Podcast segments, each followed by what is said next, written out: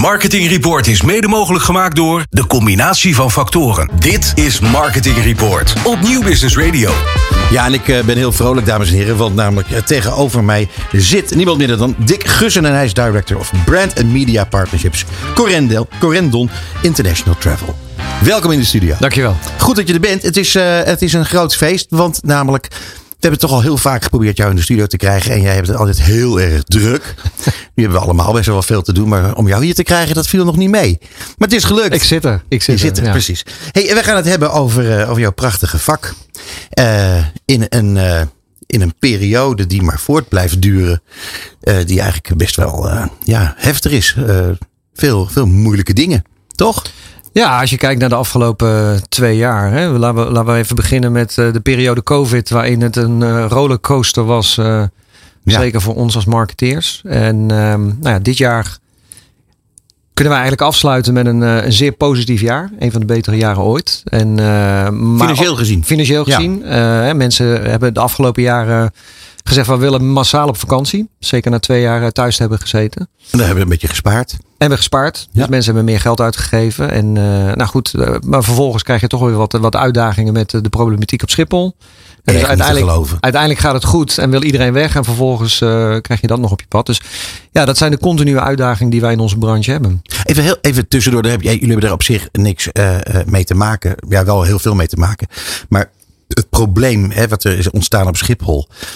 dat heeft zo'n enorme impact op, op jullie eh, eh, eh, bedrijvigheid, zeg maar. Absoluut. Ja. Hoe, hoe ga je daarmee om? Want dat, dat is toch iets. eh, dat, dat kan eigenlijk zo'n Schiphol zich toch helemaal niet permitteren om jullie daarmee op te zadelen. Nou ja, kijk, we hebben, buiten de consumenten. we, hebben, we hebben er sowieso geen invloed op. Dus wat wij zullen moeten doen is daarop anticiperen en op inspelen. En dat, Ja. dat hebben we de afgelopen, met name de afgelopen zomer dan ook maar geprobeerd. Om toch die consumenten te overtuigen om, om op vakantie te gaan. En ook Ja. te vliegen vanaf, vanaf Schiphol. Ja. Ja, het, is, het lijkt mij eh, eerlijk gezegd nogal niet niks. Ik bedoel, never a dull moment natuurlijk bij jou op kantoor.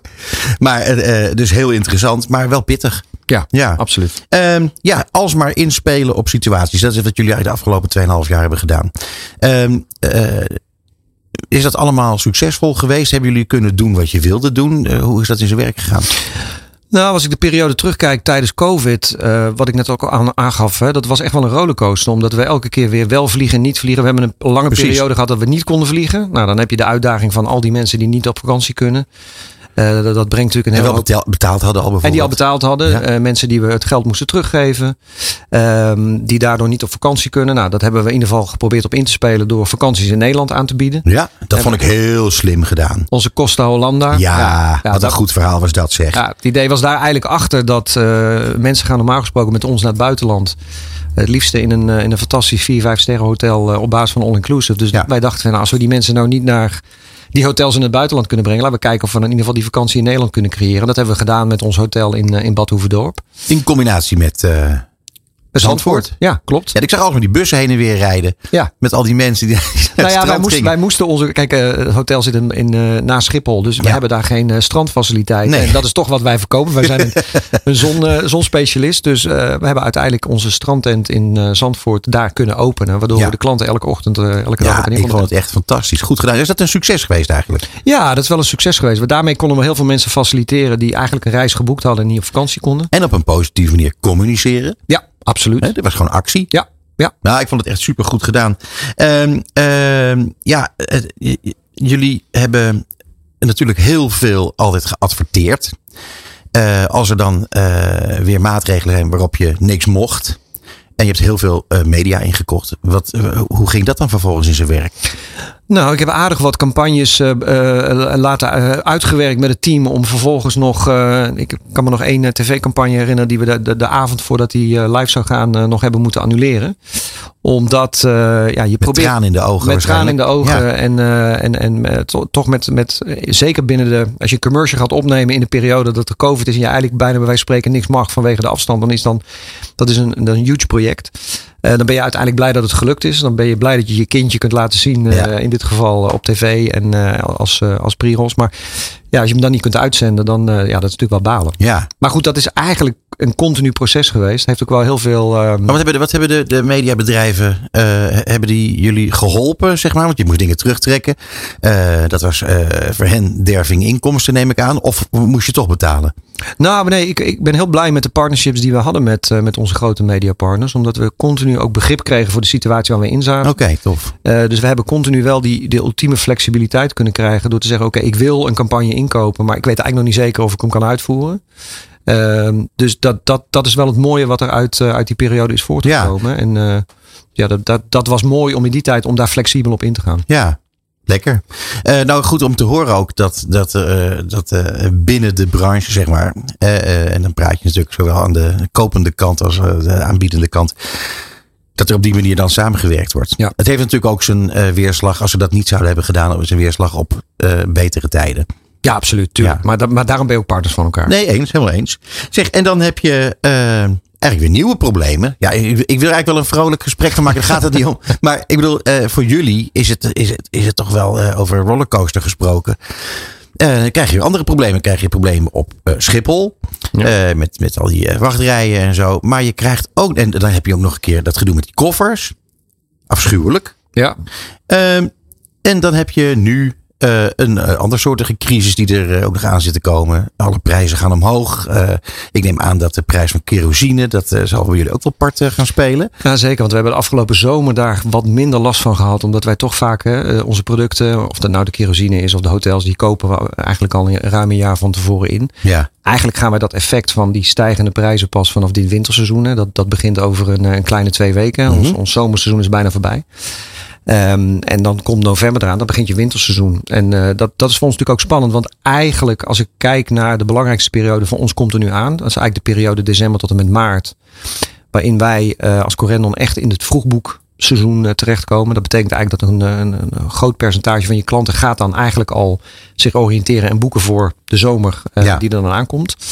En um, dat is een hele spannende periode. Want je weet niet wat de consument gaat doen. Je weet nee. dat, dat wij vanuit onze kant niet anders kunnen dan toch de prijzen een stuk verhogen. En dat kun je overigens niet compleet doorvoeren. Hè. Dus de, de, de complete prijsstijging kun je niet één op één doorvoeren aan je klant. Dus dat, dat proberen we toch een beetje te, te kijken wat de markt aan kan. Dus dat betekent van de ene kant dat je je klant iets meer vraagt voor een vakantie. En van de andere kant zul je ook weer wat marge moeten inleveren. Dus ik, hoorde, ik hoorde op de radio een gesprek met uh, mensen die hebben een, uh, een sauna bedrijf. Uh, en daar staat uh, de kachel natuurlijk de hele dag op 100. Uh, en die zeiden van ja, we hebben echt een groot probleem. Want wij moeten uh, die kosten gaan doorberekenen aan onze klanten. werd gevraagd wat is dan de entreeprijs? Nou, 27,50. Oké, okay, wat komt er dan bij? 7 euro per, per persoon. Ja. Dacht ik, dat valt mij erg mee. Uh, dat kunnen die mensen die naar de sauna gaan best wel betalen. Want dat is de prijs van, van één uh, verse jus of zo, neem, neem ik aan. Ja. Maar bij jullie lijkt me dat een heel ander verhaal. Dat is geen 7 euro die erop komt. Nee, dan heb je het echt over uh, gemiddeld, uh, een beetje, natuurlijk een beetje afhankelijk van de bestemming. Maar laten we zeggen gemiddeld 100, 150 euro. Uh, als je dat dan uitrekent op een gezin met twee volwassenen en twee kinderen. Dan ga je toch meer betalen, substantieel meer betalen voor, ja. je, voor je vakantie. En bij ons is het dan niet alleen de stijging op het basis van de kerosineprijs en de hotelprijs. Want ook hotels moeten meer betalen aan elektriciteit Tuurlijk. en de, de ergos. Uh, en dan hebben we vanaf volgend jaar ook nog een, een ecotax van bijna drie tientjes. Dus het, het wordt duur. En, en dan, dat is voor mij met name interessant om te kijken hoe de consument daarop gaat reageren. En uh, als je dan kijkt naar ja, hoe kun je daar qua marketing op inspelen, dan zullen we moeten kijken of de klant open staat om vroeg te boeken. Ja. En daar proberen zoveel mogelijk in, uh, in, in, in mee te nemen. En in, daarin. Als nou zo'n zo'n ecotax, als dat nou een, een killer is, hè? Dus je moet al vanwege de energieprijzen en je inkoop, et cetera voor de hotels, uh, noem het allemaal maar op, uh, uh, al flink gaan verhogen. En dan komt die ecotax er nog eens een keertje bij. Zou er dan een kans in zitten dat die wordt uitgesteld? Nee, dat verwacht ik niet. Want nee? daar, daar is door de politiek al een, een, beslissing over genomen. Ik, ik verwacht eerder, wat we in het verleden ook al gezien hebben met de introductie van de eerste ecotax, is dat mensen uiteindelijk gaan kijken of ze gaan vliegen vanuit andere luchthavens. En dan met name natuurlijk in het buitenland. Ja. Dus ik verwacht uh, volgend jaar, en daar, daar anticiperen wij nu al op, om daar gewoon op, op in te kopen. Dus meer aanbod vanaf Brussel Airport bijvoorbeeld. Of ja. de Duitse luchthavens in de regio's uh, uh, proberen aan te bieden. Want als die klant dan inderdaad zegt van ja, ik, dan vlieg ik niet vanuit Nederland vanwege die enorme kosten, dan hebben we in ieder geval een alternatief. Ja, Zeg, je vertelde mij buiten de uitzending, vertelde je mij over een onderzoek dat heeft plaatsgegrepen in, in Denemarken. over over hoe mensen nu omgaan met, laten we zeggen, hun beschikbare budget. Hoe kijken ze aan tegen vakantie? welke keuzes maken ze? Ja. kun je daar iets meer over vertellen? Nou, dat onderzoek dat is in Denemarken gehouden. Daar werd eigenlijk aan de consument gevraagd van als je nou volgend jaar rekening houden met prijsstijgingen ergens op moet bezuinigen, ga je dat doen op vakanties? En daar heeft de Deen van gezegd, dat gaan we niet doen. We gaan, uh, nog dat nooit. Dat gaan, we gaan nog, niet, nog niet bezuinigen op, uh, op vakantie, maar met name op andere zaken zoals elektronica uit eten en dergelijke.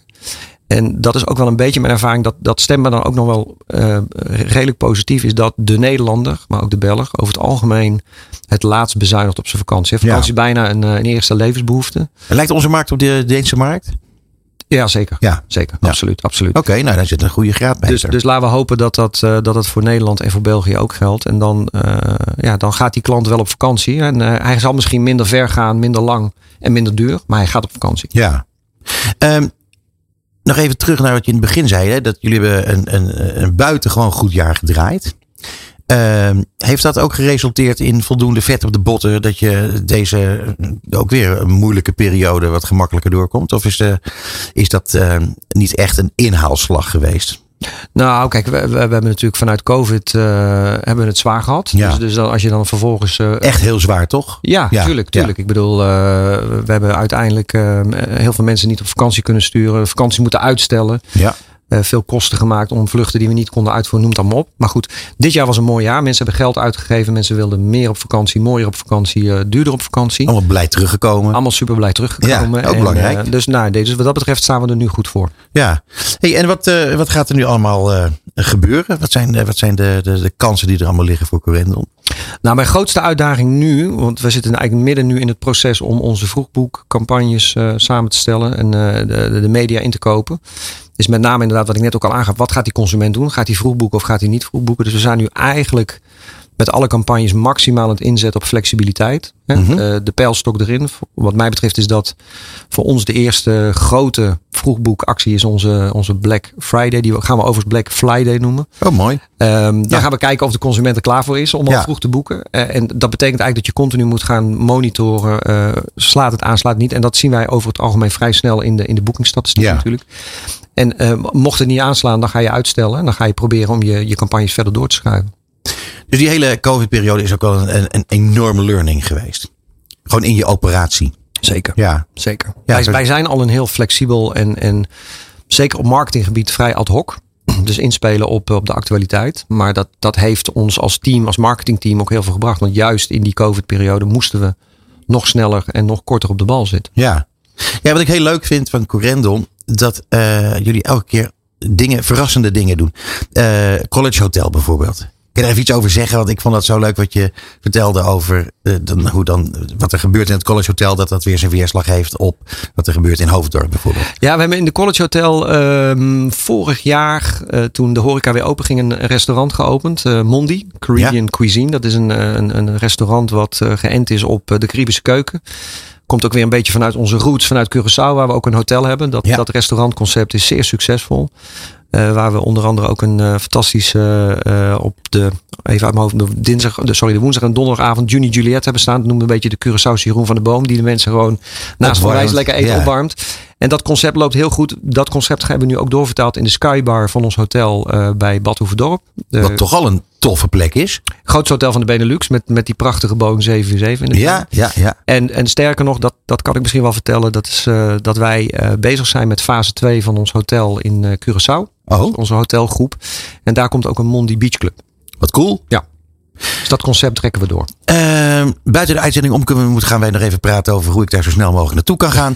uh, uh, Dick, ik moet je zeggen dat ik zou nog uren met je door willen praten hierover. Want het is zo'n ongelooflijk interessant bedrijf en interessant onderwerp, jullie, jullie reisbusiness. Maar het zit er, het zit er helaas op. dames en heren, Dick Gussen, Director of Brand and Media Partnership, Corendon International Travel. Dank voor je komst naar de studio. Dankjewel.